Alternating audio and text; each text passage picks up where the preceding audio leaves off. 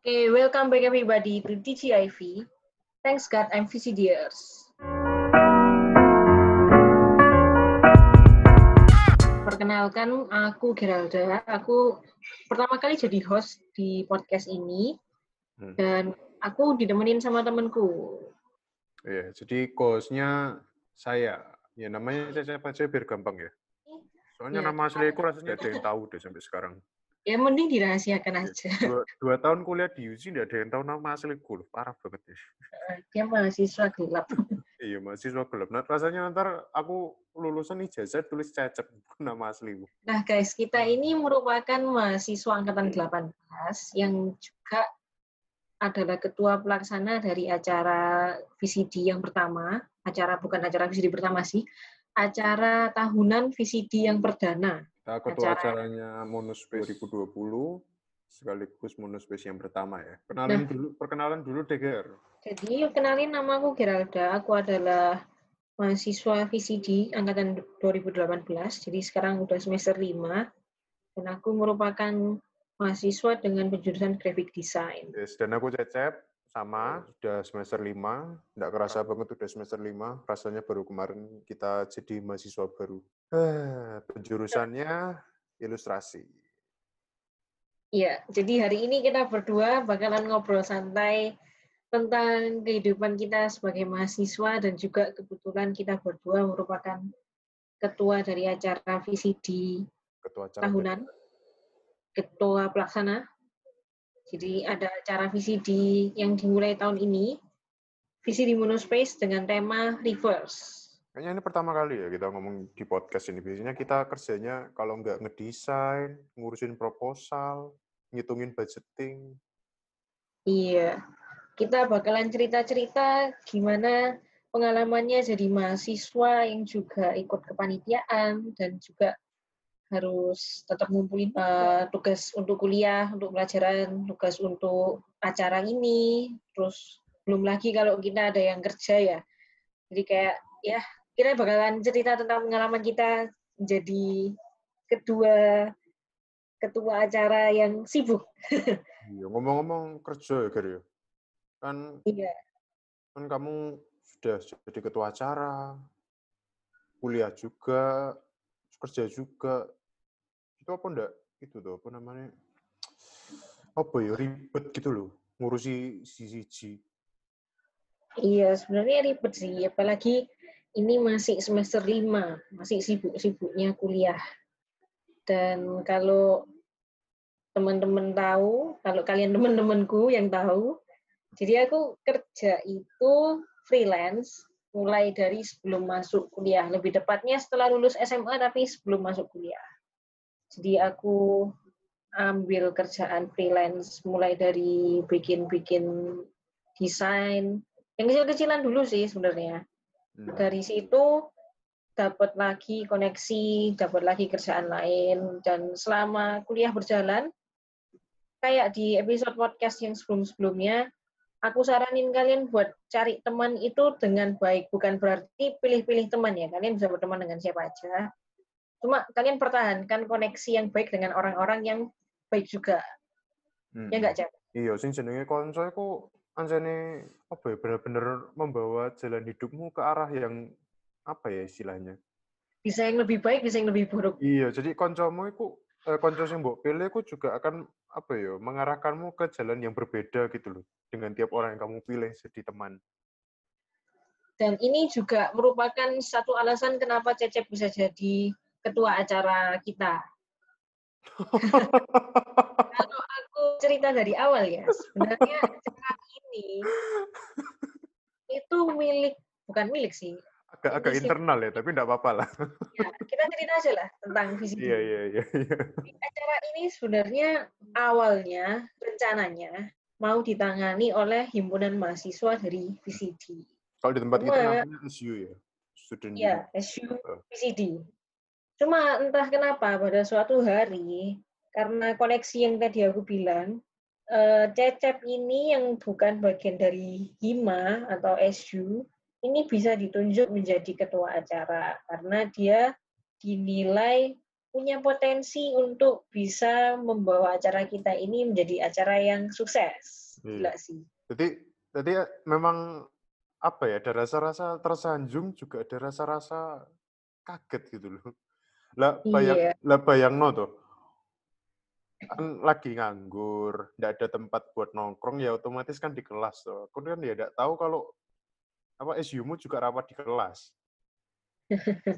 Lah mau keluar kok apa ya kok ndak enak udah mulai rapatnya ya aku kan diem aja tuh mojok lah tiba-tiba ini ada ibu dosen sebut namanya ndak usah kali ya Nggak usah lah. nggak usah sebut saja eh, ibu E nah si ibu E ini sedang mencari ketua acara untuk program itu. Berhubung anak SU 18 yang lain sudah ditugaskan ke tugasnya masing-masing belum ada nih dapatkan nggak tahu belum ada dapat kandidat atau gimana lah tiba-tiba kok aku yang ditunjuk. Iya, kayak ada spotlight gitu nunjuk saja. lah ya moro-moro oh ya udah deh ketua acaranya siapa aja? Lu lah lah saya nggak kaget loh orang lagi enak-enak duduk-duduk mana tiba-tiba dipanggil gitu keringat dingin anjir Dan Cecep ini juga pengaruh kenapa aku jadi ketua. Jadi dia dia nyeret aku ceritanya. iya aku juga bukan bukan ketua, nggak punya kedudukan apa-apa masih. Terus tiba-tiba diajak jadi ketua. Tapi karena aku lihat acara ini punya potensi yang bagus dan juga acara ini bisa jadi salah satu pengalaman buat mengembangkan diri, jadi aku berani buat ambil tindakan untuk apa ya untuk mau lah jalanin jadi ketua gitu. Hmm.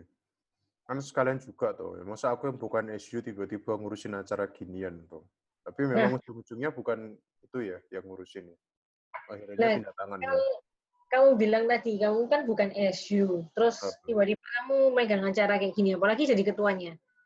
Sebenarnya apa yang kamu rasain sih? Apa aja kayak hardships-nya, kayak uh, rintangan-rintangannya, kesulitan yang kamu hadapi, apalagi membagi waktu, membagi tugas.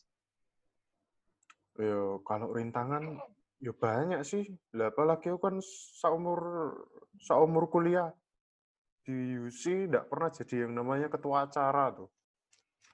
Terus jadi kok raja boro-boro acaranya langsung nggak jadi. Ini langsung jadi ketua acara ya lumayan kaget sih.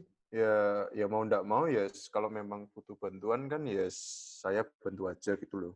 Gini deh, aku punya Gimana? Kamu kan ditunjuk secara tiba-tiba. Tentu kamu punya punya kesempatan buat ngomong kayak, Bu, aku nggak bisa nih jadi ketua. Aku nggak punya Hmm. kemampuan. Aku nggak pernah jadi ketua, nggak punya pengalaman. Tapi kenapa kamu tetap mutusin buat tetap mau megang jabatan ini? Dan Nah, jawab, sebenarnya ada. Aku sempat apa ya, sempat ragu ga- untuk terima gitu dulu. Kan ya ya kayak mikirnya yo beneran ta. Ya bukannya itu good to be true sih. yes. kayak memang merasa out of the place gitu aja kok tiba-tiba dipilih tuh.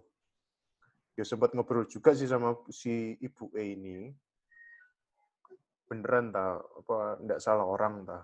Kok milih aku jadi ketua acara ini kan ya enggak pernah ngurusi apa-apa atau ya untungnya ibunya ini masih eh, memberikan kepercayaan gitu loh.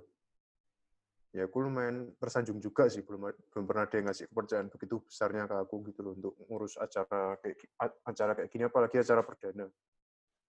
Iya, Ya ternyata memang ada suka dan dukanya jadi ketua itu. ya baru tahu juga sih. ya Ya dan apalagi ini acara pertamanya VCD, kita harus mikir dari awal, benar-benar awal. ini be- bener-bener sih kita sampai riset ya Ger ya. Iya. Bener-bener riset. Terus gimana caranya untuk menjalankan acara. Pokoknya yang paling susah rasanya waktu nyari sponsor itu ya. Iya, benar-benar kita berdua nggak punya pengalaman di bidang jadi ketua, tapi untungnya kita berdua tetap mau belajar. Mm-mm. Meskipun kita jabatannya ketua ya, ketua itu kan anggapannya tugasnya mendelegasikan tugas, membagikan tugas ke bawahannya, ke koordinator-koordinator. Tapi di sini kita mau coba untuk ikut terjun dan mau belajar gimana sih caranya dapetin sponsor misalnya. Hmm. Terus gimana sih caranya buat deal sama uh, pembicara, narasumber. Benar-benar ini kesempatan buat belajar yang sangat besar. Hmm, jadi apa ya? Selama kita jadi ketua acara ini banyak juga sih ilmu-ilmu yang belum pernah kita dapat gitu loh. Hmm. Kalau untuk aku sih lebih ke pengalaman leadership sih kira cerita cerita cerita ya, jadi kayak ya selama ini belum pernah gitu loh aku apa ya ya bukan belum pernah dipilih juga sih memang aku juga tidak pernah mau kalau disuruh memimpin entah itu kelompok kayak atau apa ya apa ya aras-arasan lah Terus kayak ini lapo sih ngurusi wong liya padahal aku dewe tak beres ngono tapi setelah uh, mencoba Ya, ternyata tidak seperti itu sih bayanganku. Pokoknya iya. kuncinya itu percaya sih, apa percaya sama rekan-rekan kalian lah. Iya, benar banget. Benar hmm. banget. Dan ngomong-ngomong tentang percaya sama teman, eh, selama jadi panitia ini kita juga belajar betapa pentingnya teamwork. Kayak kerjasama dalam sebuah kelompok, dalam sebuah komunitas, terus cara untuk menjaga komunikasi, cara untuk berhubungan dengan baik. Jadi kalau kita lagi berada dalam satu kelompok dan kita punya satu tujuan yang sama, aku belajar buat kita ini untuk nggak mengedepankan ego masing-masing. Jadi kasarannya kita harus lihat the big picture.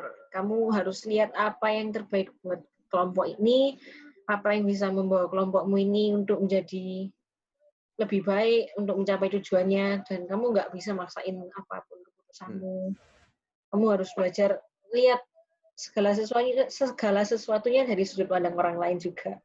Eh, memang susahnya bagian ngepush ya. Kayak, Iya. Yeah. Apalagi waktu kita memilih core itu kan juga yes anak VCD lah ya, pol-pole ya desain, dan desain ya ngapain lah. Mm. Kan banyak yang tidak berpengalaman kayak dalam hal nyari sponsor atau marketing. Mm-hmm. Itu kan kita juga sebagai ketua acara kan tidak bisa gitu loh membiarkan apa ya rekan kita untuk susah sendiri ya mau tidak mau kita bantu lah. Iya benar banget. Banyak banget yang bisa dipelajari dari kita berorganisasi ini.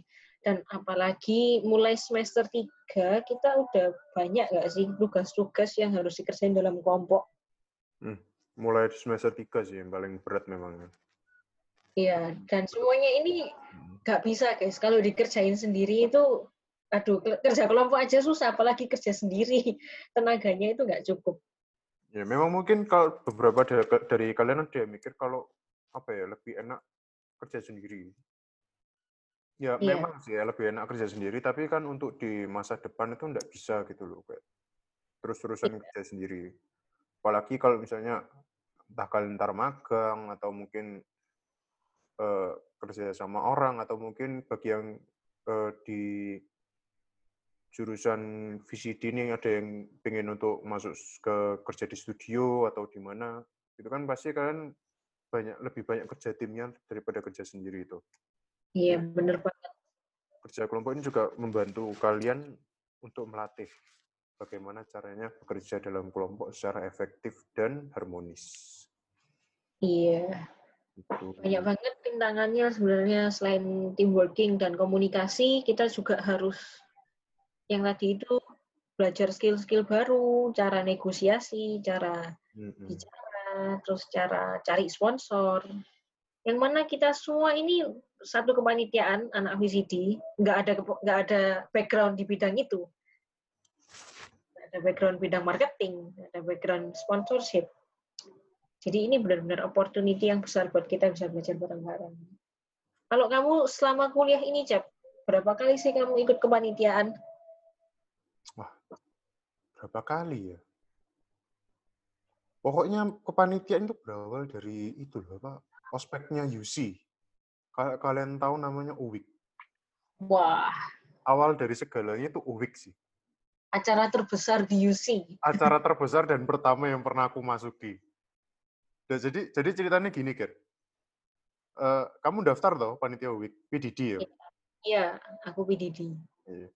Jadi awalnya kan di di kelas itu kan kayak pada ribut gitu loh.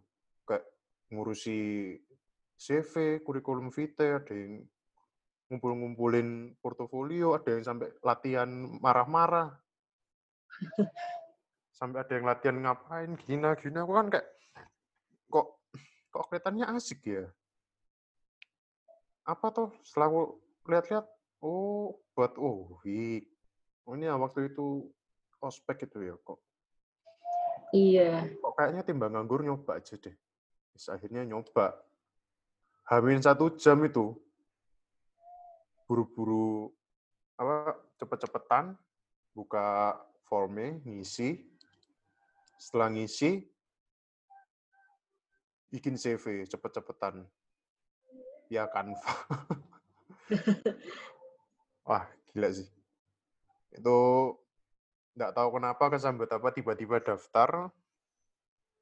Eh nggak nyangka juga eh kok keterima? Dari berikutnya. Ya ekspresiku ya jam jambu kok keterima ya pasti nggak nyangka sih. Lah pada pada batinku mek main-main tok loh ngono iku.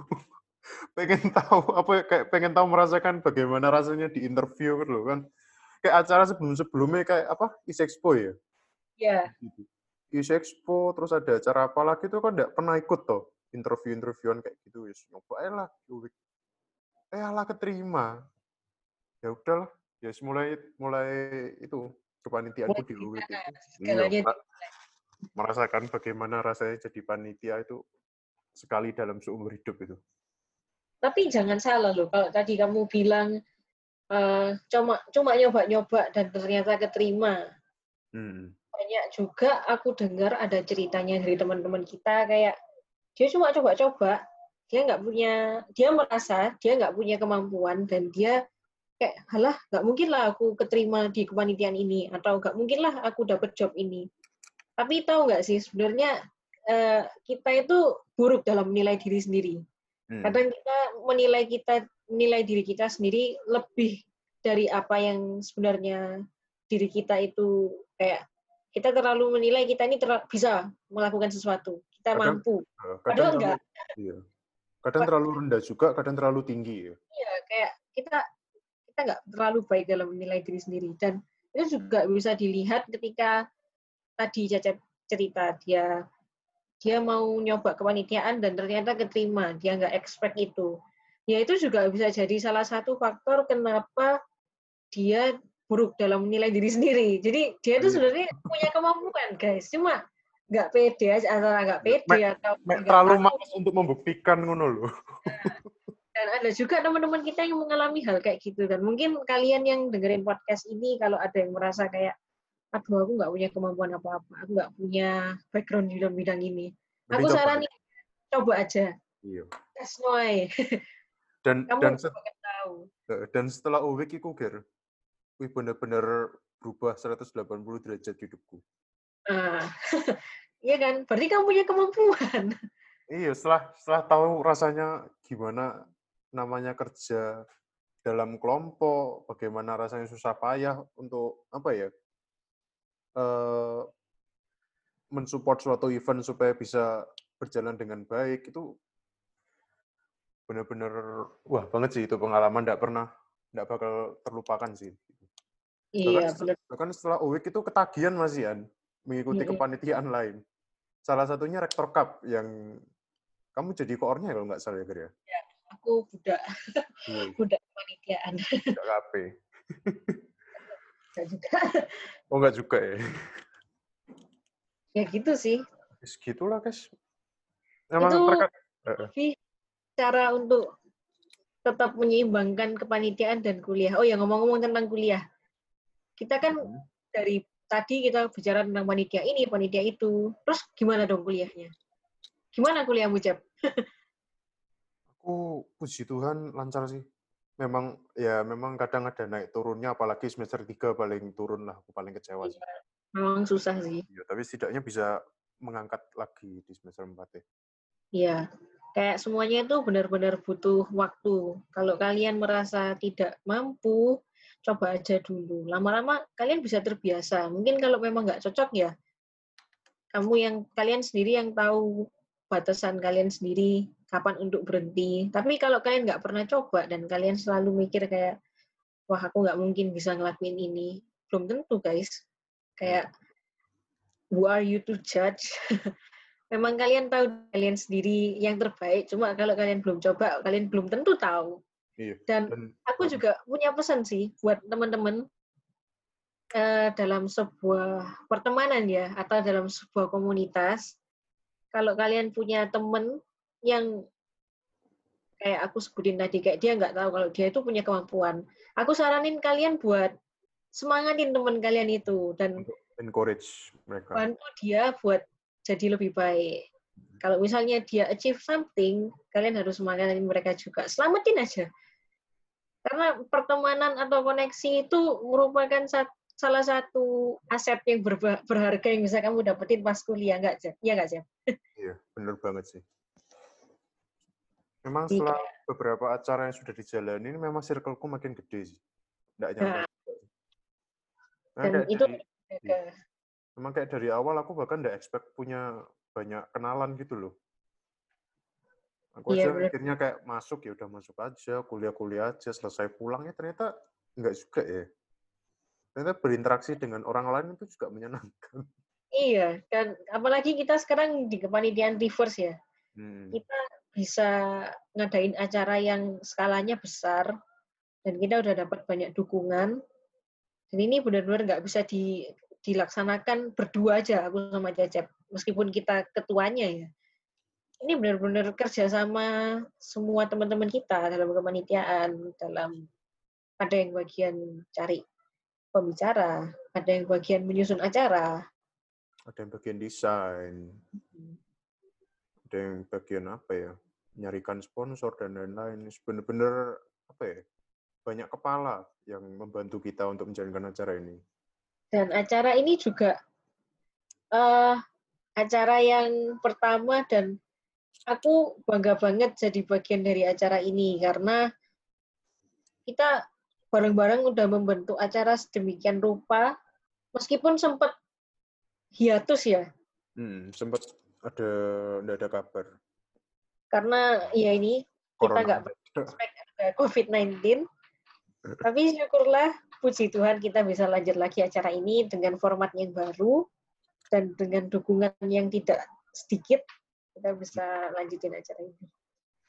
Dan ilmu-ilmu ini kurang lebih bisa diterapin ke kehidupan profesional kalau aku bilang kayak mulai dari uh, aslinya ya kalau aku mau cerita ya aku itu dari SMA nggak ada keinginan dan tidak ada kemampuan untuk ngomong di depan banyak orang tapi hmm. semenjak bukannya nggak berani ya cuma nggak ada keinginan aja kayak nggak pernah kepikiran untuk ngomong Nah, ketika aku jadi ketua sama Cecep, kan kita ada proses di mana kita harus cari anggota, harus cari eh, pengurus-pengurus uh, untuk acara ini, dan kita harus sosialisasi dalam kelas tentang acara ini. Nah, di situ aku belajar teknik untuk ngomong di depan hmm. orang banyak, cara jelasin sebuah ide, dan cara ngomong dengan jelas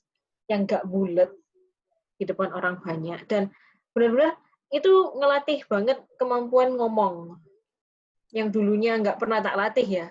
Dan sekarang kalau aku diminta buat ngomong di depan banyak orang aku udah nggak masalah. Kayak hmm. ya I have done it before I can do it again.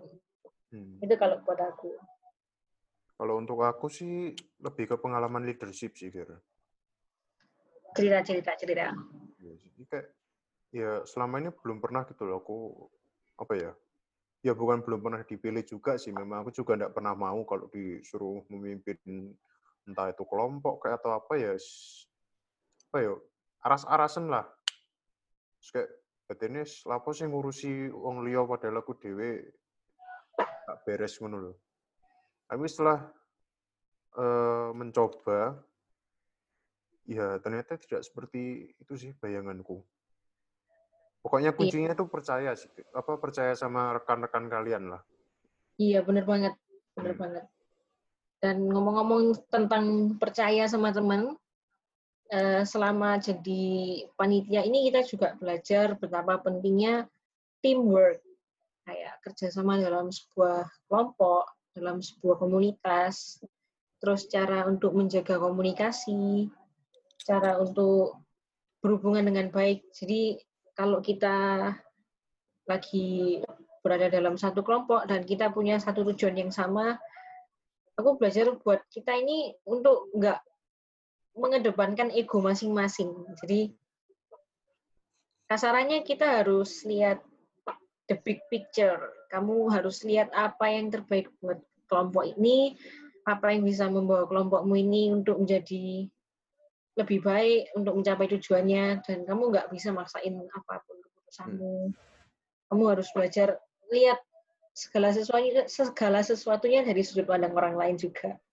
Eh, memang susahnya bagian nge-push ya. Kayak, Iya, apalagi waktu kita memilih core itu kan juga yes anak VCD lah ya. Pol-pole ya desain, enggak desain ya ngapain lah. Mm-mm. Kan banyak yang enggak berpengalaman kayak dalam hal nyari sponsor atau marketing. Mm-mm. Itu kan kita juga sebagai ketua acara kan enggak bisa gitu loh mem- membiarkan apa ya rekan kita untuk susah sendiri ya mau enggak mau kita bantu lah. iya, benar banget. Eh, Banyak banget yang bisa dipelajari dari kita berorganisasi ini. Dan apalagi mulai semester 3, kita udah banyak nggak sih tugas-tugas yang harus dikerjain dalam kelompok. mulai semester 3 sih yang paling berat memang. Iya, dan semuanya ini Hmm. nggak bisa guys. Kalau dikerjain sendiri itu, aduh, ke- kerja kelompok aja susah, apalagi kerja sendiri. Tenaganya itu nggak cukup. Ya memang mungkin kalau beberapa dari, dari kalian ada yang mikir kalau apa ya lebih enak kerja sendiri. Ya Iya. memang sih ya lebih enak kerja sendiri, tapi kan untuk di masa depan itu nggak bisa gitu loh kayak terus-terusan kerja sendiri. Apalagi kalau misalnya entah kalian ntar magang atau mungkin eh, kerja sama orang atau mungkin bagi yang eh, di jurusan VCD ini ada yang pengen untuk masuk ke kerja di studio atau di mana itu kan pasti kalian banyak lebih banyak kerja timnya daripada kerja sendiri itu Iya, bener banget. kerja kelompok ini juga membantu kalian untuk melatih bagaimana caranya bekerja dalam kelompok secara efektif dan harmonis Iya.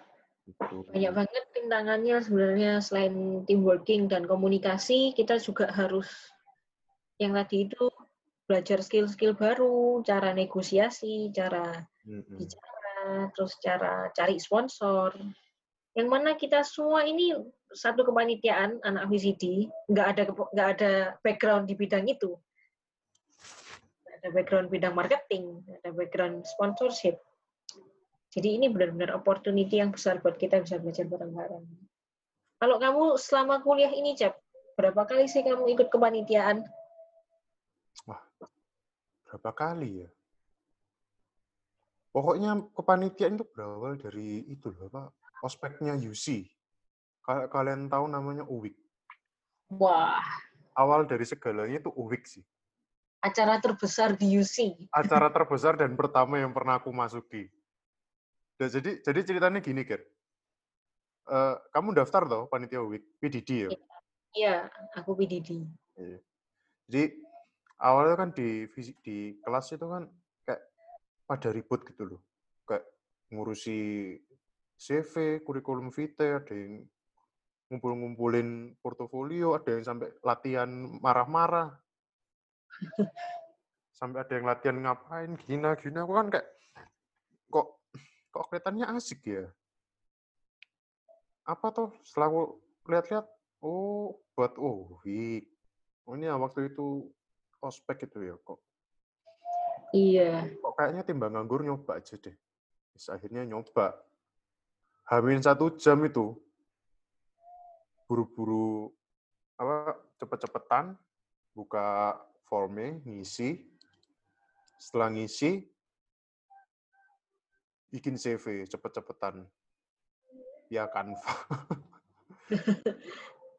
wah gila sih itu nggak tahu kenapa kesambet apa tiba-tiba daftar eh nggak nyangka juga eh kok keterima.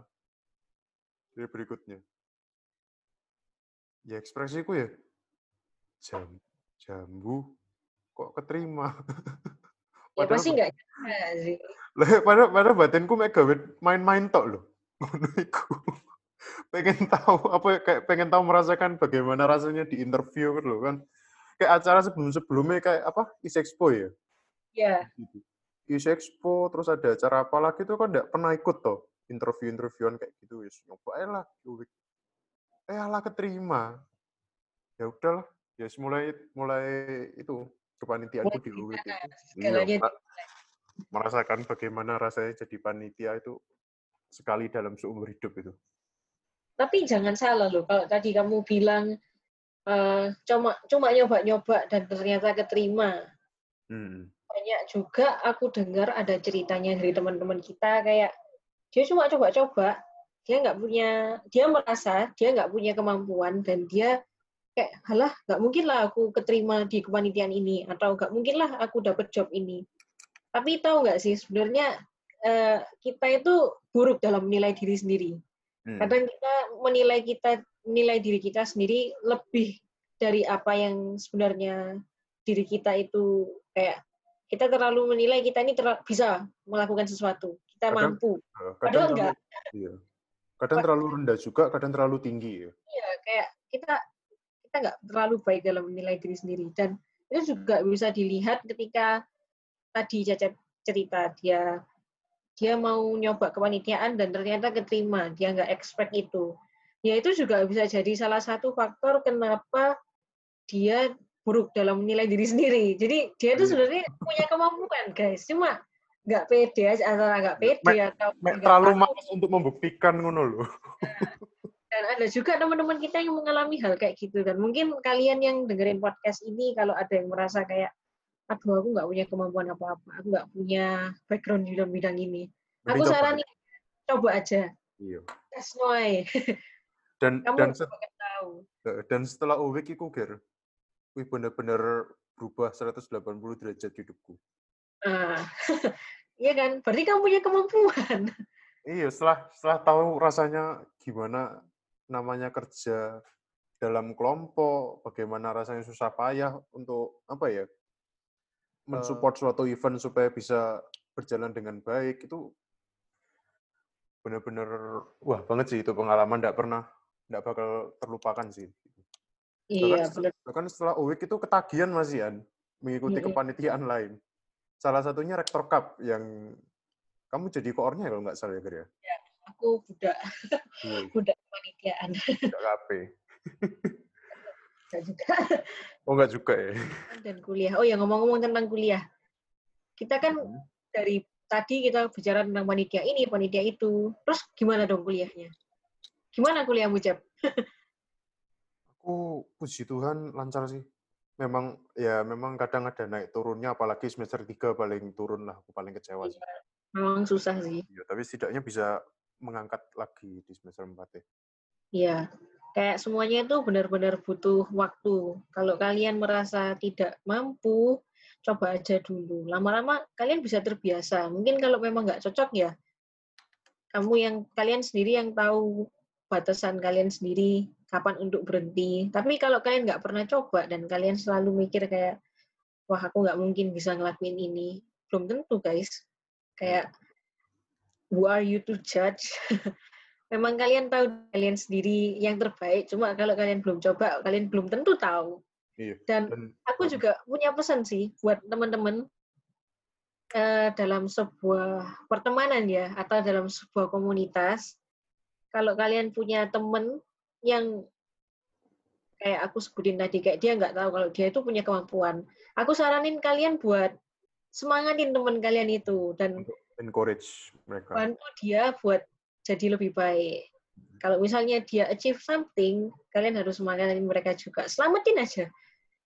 Karena pertemanan atau koneksi itu merupakan salah satu aset yang berharga yang bisa kamu dapetin pas kuliah nggak sih ya nggak sih iya benar banget sih Memang iya. setelah beberapa acara yang sudah dijalani, memang circleku makin gede sih. Memang kayak dari awal aku bahkan nggak expect punya banyak kenalan gitu loh. Aku Iya, aja bener. mikirnya kayak masuk ya udah masuk aja, kuliah-kuliah aja, selesai pulang ya ternyata enggak juga ya. Ternyata berinteraksi dengan orang lain itu juga menyenangkan. Iya, dan apalagi kita sekarang di kepanitiaan reverse ya. Hmm. Kita bisa ngadain acara yang skalanya besar dan kita udah dapat banyak dukungan. Dan ini benar-benar nggak bisa di, dilaksanakan berdua aja aku sama Cecep, meskipun kita ketuanya ya. Ini benar-benar kerjasama semua teman-teman kita dalam kepanitiaan, dalam ada yang bagian cari pembicara, ada yang bagian menyusun acara, Ada yang bagian desain, ada yang bagian apa ya, nyarikan sponsor dan lain-lain. Bener-bener apa ya, banyak kepala yang membantu kita untuk menjalankan acara ini. Dan acara ini juga acara yang pertama dan aku bangga banget jadi bagian dari acara ini karena kita bareng-bareng udah membentuk acara sedemikian rupa meskipun sempat hiatus ya Hmm, sempat ada nggak ada kabar. karena ya ini kita Corona nggak ada. expect ada COVID-19 tapi syukurlah puji Tuhan kita bisa lanjut lagi acara ini dengan format yang baru dan dengan dukungan yang tidak sedikit kita bisa lanjutin acara ini. Nah, selama kita berpanitia di dalam reverse ini tentunya nggak seindah bayangan kalian kalau dari cerita kita tadi ya kayak wow sebuah perjalanan yang menginspirasi tentu saja nggak sebagus itu cuma ada beberapa kali di mana kita dalam satu kepanitiaan ini crash. mengalami crash iya Iya. clash clash Oh, clash, sorry, sorry. CLAS ya clash. Jadi meskipun kita bekerja kolaborasi komunikasi pasti ada di saat-saat di mana sesuatu itu goes wrong Iya, kita miss. Iya, ada Dan beberapa hal yang apa ya, kayak eh, tidak bisa connect antara satu dengan lain, apalagi dalam hal pendapat itu. Itu yang Iya dan apalagi ditambah lagi kita nggak bisa ketemu secara langsung. Hmm. komunikasi makin susah, terus eh, banyak banyak ide, yes gitulah awal-awal apa ya, mulainya masalah. Tapi yang terpenting bukan masalah apa ya, bukan seberapa besar masalahnya, tapi bagaimana caranya untuk Ya, Iya, bagaimana untuk mencari solusinya. Ada Iya. ada, ada suatu ketika waktu eh, apa ya kita akan memulai acara ini kembali setelah hiatus, diubah formatnya jadi online. Iya. Jadi ada kayak eh, Sempet shock gitu Dalam kan anak gitu. timeline kita selama kita kerja mulai dari pembentukan panitia sampai kita sekarang itu ada titik di mana kita aku sih kalau dari aku pribadi ya aku kayak ngelihat kayak waduh acara ini kok kayak eh nggak ada harapan ya apalagi udah mau diubah ke online dan kita belum bisa ketemu belum bisa rembukan secara langsung kayak Hmm. mana ini nasibnya kayak sponsorship semuanya yang udah kita jalanin itu eh, tiba-tiba nggak bisa dipakai. tergantung kayak gantung-gantung kayak nggak tahu bisa apa nggak bisa apa enggak gitu. Hmm. Sponsorshipnya hilang, kepanitiaannya juga harus ketemu lewat online, komunikasi yang terbatas dan Oh, apalagi Jam? eh, apalagi eh, beberapa apa ya beberapa rekan kita yang memiliki apa namanya kompetensi yang lebih terpilih jadi presiden ya? Ah, iya iya. loh gak apa apa apa ya kita kita juga meng- apa ya menganggap itu kayak sebuah apa ya kayak eh istilahnya apa ya kayak rambu-rambu ngono lah. Kayak apa beneran jalan apa gak ya iki? Kayak Iya sih, benar sih. separuh separuh dari panitianya wis ada kesibukan dewe terus Iya, ada gini mau rapat kadang kan pasti bentrok dengan yang sebelah kan iya. Dan kayak apa ya, moodnya dari tim kita ini mulai menurun, Heeh. mulai tidak ada harapan.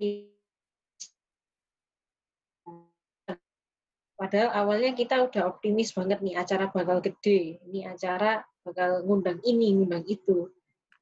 Jadi ini bisa dijadiin pelajaran sih guys. Kalau dalam kehidupan kuliah kalian, kalian pasti ngalamin titik-titik di mana kalian frustasi, depresi.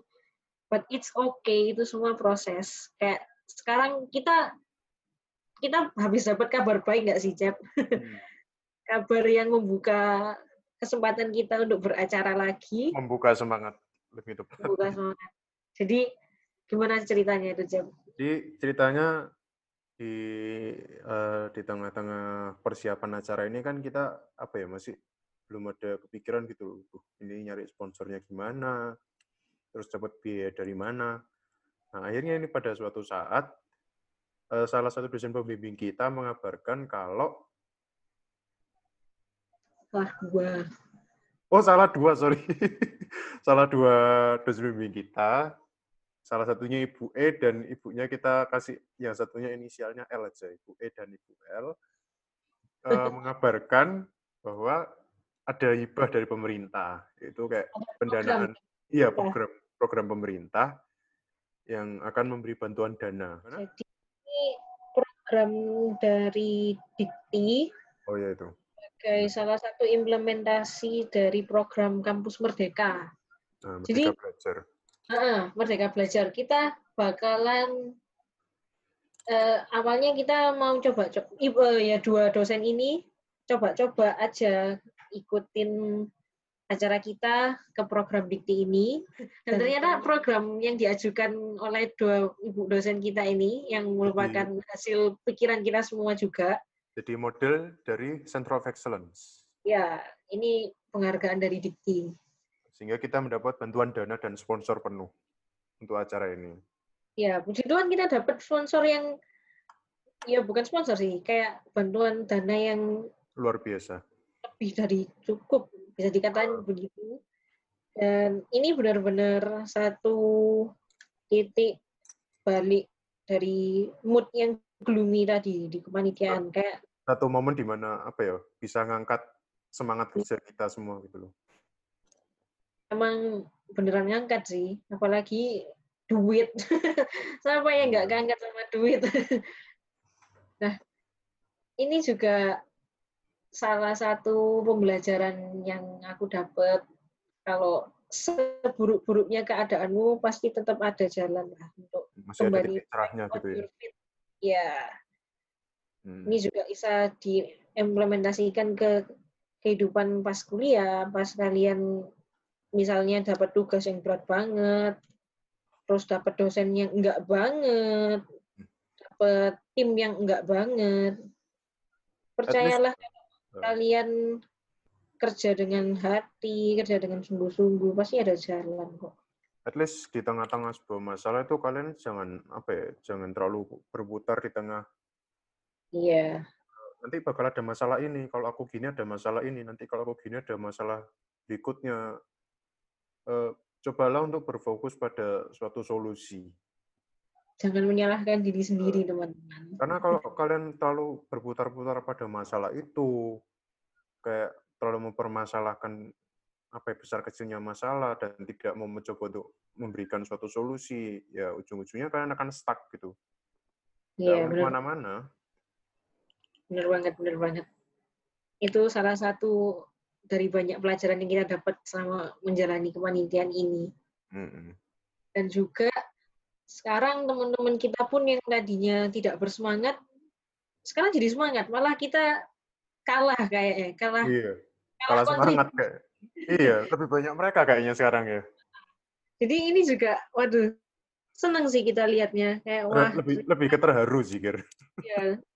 Kayak, wih, waduh gak nyangka. Dan semua ini nggak bisa dijalanin. Sekali lagi aku ngomong ini nggak nggak bisa dijalanin berdua aja. Kita pasti butuh bantuan orang lain. Jadi jangan nyombong guys. Kalau kalian itu bisa sukses, acara ini juga nggak bisa sukses kalau kita nggak dibantuin sama teman-teman kita. Hmm, sama rekan-rekan kita. Iya. Api yang dulu sudah padam sekarang dinyalakan lagi. Wih. Gila sih. Dan kalian sebagai pendengar juga bisa meningkatkan semangat kita loh guys. Tahu nggak sih dengan cara apa? Dengan apa, dengan cara apa nih? Dengan cara Dengan dukung cara acara kita. iya. Bagaimana caranya kalian bisa mendukung dengan cara mendaftar lomba. Atau kalau kalian nggak tertarik lomba nih, kalian minimal lah follow Instagram kita at VCD underscore monospace. Jangan lupa ya, VCD underscore monospace. Di situ kalian bisa nemu overview kegiatan kita, apa yang kita kerjakan selama ini. Seperti yang aku cerita tadi sama Cecep cerita, hardships-nya apa aja, mulainya idenya dari awal apa. Kalian rasakan dari... buah usaha kita apa aja juga ada di situ. Hmm. Dan kalian kalau tertarik buat join kita di VCD untuk teman-teman yang SMA, lomba ini beneran membuka kesempatan buat teman-teman yang join. punya passion untuk join ke DKV UC. Iya, ke DKV. Soalnya lomba kita ini punya hadiah yang nggak tanggung-tanggung. Hadiahnya apa, Cep? Hadiahnya, jadi eh, kita akan menyediakan beasiswa berupa 100% DPP. Kalau kalian tahu itu uang gedung, kurang lebihan. Sama ada potongan 50% SPP. Iya. Dan beasiswa iya. ini berlaku sampai kalian lulus buat teman-teman. Sampai kalian masuk ke UC, lulus SMA dan masuk UC. Iya. Jadi sampai Iya, iya kalian rugi banget like gak ikut iya. lomba ini. At least kayak tadi kita bilang jangan lihat kalau dirimu ini tidak mampu. Coba dulu. Coba dulu. Kalian coba, kalau kalian menang, nggak rugi. Kalau kalian kalah, nggak rugi. Kenapa? Kalian sudah coba. Iya, dapat pengalaman. Siapa tahu untuk di Monospes tahun depan ada lomba universitas, kalian bisa ikut lagi. Oh ya, untuk iya. universitas kita juga ada lombanya. Uh, memang kita tidak menyediakan beasiswa, tapi kita menyediakan nominal hadiah uang yang lumayan gede lah. Yang gede yep. sih untuk ukuran mahasiswa, kalau aku bilang gede banget sih. Buat uang jajan cukup dan lombanya ini ada foto zin, foto zin dan komik strip. Itu untuk nah, universitas. Kalau yang SMA tadi kita belum sebutin kayaknya, Jep. Belum kayaknya. Yang SMA itu ada lomba konseptual fotografi, lalu ada lomba poster design, dan ada lomba komik strip. Hmm. Untuk teman-teman yang tertarik buat join, uh, hari ini tanggal 10 Juli 2020 itu adalah hari terakhir promo early bird kita buat pendaftar-pendaftar yang belum daftar. Ada diskon ya, Jeb? Sebanyak berapa persen? Banyak 35 persen untuk uh, biaya pendaftarannya. Ya, jadi buruan aja daftar kali ini sekarang aja daftar. Kalau masih ada banyak pertanyaan, kalian bisa tanya lewat Instagram kita at vcd uh, at vcd underscore monospace atau CP yang sudah tertera di poster iya. atau post kita. Iya, benar banget. Dan speaking of lomba, ya aku sering ikut lomba, cuma aku nggak pernah menang. Tapi kenapa aku tetap ikut lomba? Karena itu melatih keberanian dan hmm. melatih uh, skillmu juga. Kayak kamu tahu, kamu nggak menang kenapa, dan kamu harus improve dari situ. Dan karena aku sering kalah, aku jadi berani ikut lomba terus. Bukannya ngabisin uang buat lomba ya, tapi ini bikin aku optimis kalau next time aku bisa lebih baik dan aku bisa improve. Dan aku bahkan, juga ikut lomba sama Cecep loh. Iya, bahkan itu lomba apa ya, dengan income paling buruk enggak sih kalau menurutku? Kayak bener-bener banyak kejadian yang tidak masuk akal enggak ya? Iya, bener banget. Lomba di Malang. Ya, lomba apa itu? Uh, mural kalau nggak salah ya? Iya, kamu cerita deh, Cep, gimana keadaanmu yang kayak tukang gitu. Wah, ya bener-bener bener-bener tidak berbentuk kita di sana. Kayak datang udah kayak tersesat banget. Ya awalnya kita nggak tahu sih itu lombanya kan tercantum oleh dinas pariwisata ya. Iya. Tapi ternyata setelah datang itu ternyata lomba muralnya tuh di dalam bener-bener di dalam desa. Nggak bisa dibilang kampung sih, pelosok banget. ya, kita sendiri ya kaget tuh nyampe, loh kok ternyata tempatnya kayak gini. ini di mana? Ini di mana? Antah berantah. Dan sial banget kayak hari itu. Iya, kayak sudah ngechat berapa puluh persen? Kurang lebih 90 persenan lah. Tiba-tiba hujan kan. Dan chat yang dikasih ke kita itu nggak waterproof dan ya bego banget sih. Yuk, sumpah bego banget. Jadi banget. kita uh. belum kering, hujan. Kita chat lagi, hujan lagi. Iku luntur sampai ping telu. Sampai chatnya tuh luntur ke mana-mana. Iya, udah penutup penutup nggak nutup banget. Chatnya ya yes, gitu modelnya. Tapi tetap pengalaman yang indah kok. Iya. Itu kayak anggapannya kita quality time dalam keadaan yang sial. Tapi entah mengapa kamu tetap ikut lomba-lomba yang lain, tidak kapok-kapoknya untuk ikut lomba. Iya, cuma saking sekarang lagi sibuk aja, nggak bisa ikut lomba. Jadi aku sarankan kalian semua ikut lomba yang banyak. Meskipun hmm. menghabiskan tenaga, kalian masih dapat sesuatu. Hmm. Tapi ya jangan bikin karya yang jelek terus, maksudnya improve. Yeah, at least do your best lah. Do your best, iya. Yeah. God will do the rest. Oh iya, ngomong-ngomong do your best. Untuk kalian yang pengen uh, meningkatkan apa ya, skill. Ya, yeah, skill. Kreatif, kreatif skill, kita juga ada sediakan workshop ya. Di dua yeah. minggu lagi kalau nggak salah. Uh, ya, hari lagi. oh iya? Nggak kerasa sih. Tanggal 20, teman-teman. Tanggal 20, 21, dan 22 Mei. Eh, Juli, sorry. Jadi kita bakalan ada workshop dengan tiga narasumber yang terkenal. Okay. Uh. Terkenal ini kenal nama dan karyanya tentunya. Nanti, nanti kalian bisa uh, ngecek itu di IG kita setelah kita post nanti. Iya. Yep. Nanti kita bakalan semua acara ini kan online, kita bakalan sediain fasilitas buat teman-teman yang di rumah aja. Dan ini terbuka untuk semua teman-teman di seluruh Indonesia ya, Jeb? Hmm, seluruh Indonesia. Lomba-lomba yang tadi juga terbuka untuk universitas mana pun, SMA mana pun, jurusan apa pun. Hmm. Yang penting memenuhi kriteria aja sih. Iya, jadi kalau ada kalian yang dengerin ini dari luar negeri juga boleh sih ikut kalau untuk lombanya, untuk lombanya. Hmm. Kalau ada yang ikut workshop ya kita tambah seneng lagi sih. Iya guys, gitu deh. Dan acara kita ini juga ada dukungan dari kerjasama dengan lima organisasi yang bergerak dalam bidang ada yang dalam bidang kelestarian lingkungan dan kemanusiaan juga. Iya, kemanusiaan juga. Jadi nanti uh, pendapatan yang sudah kita terima dari pendaftaran dan uh, pendapatan lainnya akan kita sumbangkan untuk mereka. Iya, benar banget. Apalagi di masa yang sulit gini, kita alangkah baiknya kalau saling bantu, membantu, tolong menolong. Solidaritas, guys. Solidaritas. Encouraging each other. Ya, kurang lebih kayak gitu sih buat acara kita ini. Kalian bisa pantengin terus aja di Instagram kita. Kayaknya untuk episode 13 ini udah itu aja dulu ya, Gir ya?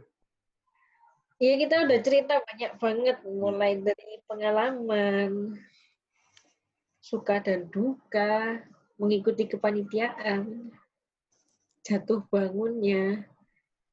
At least that is that's it for season one.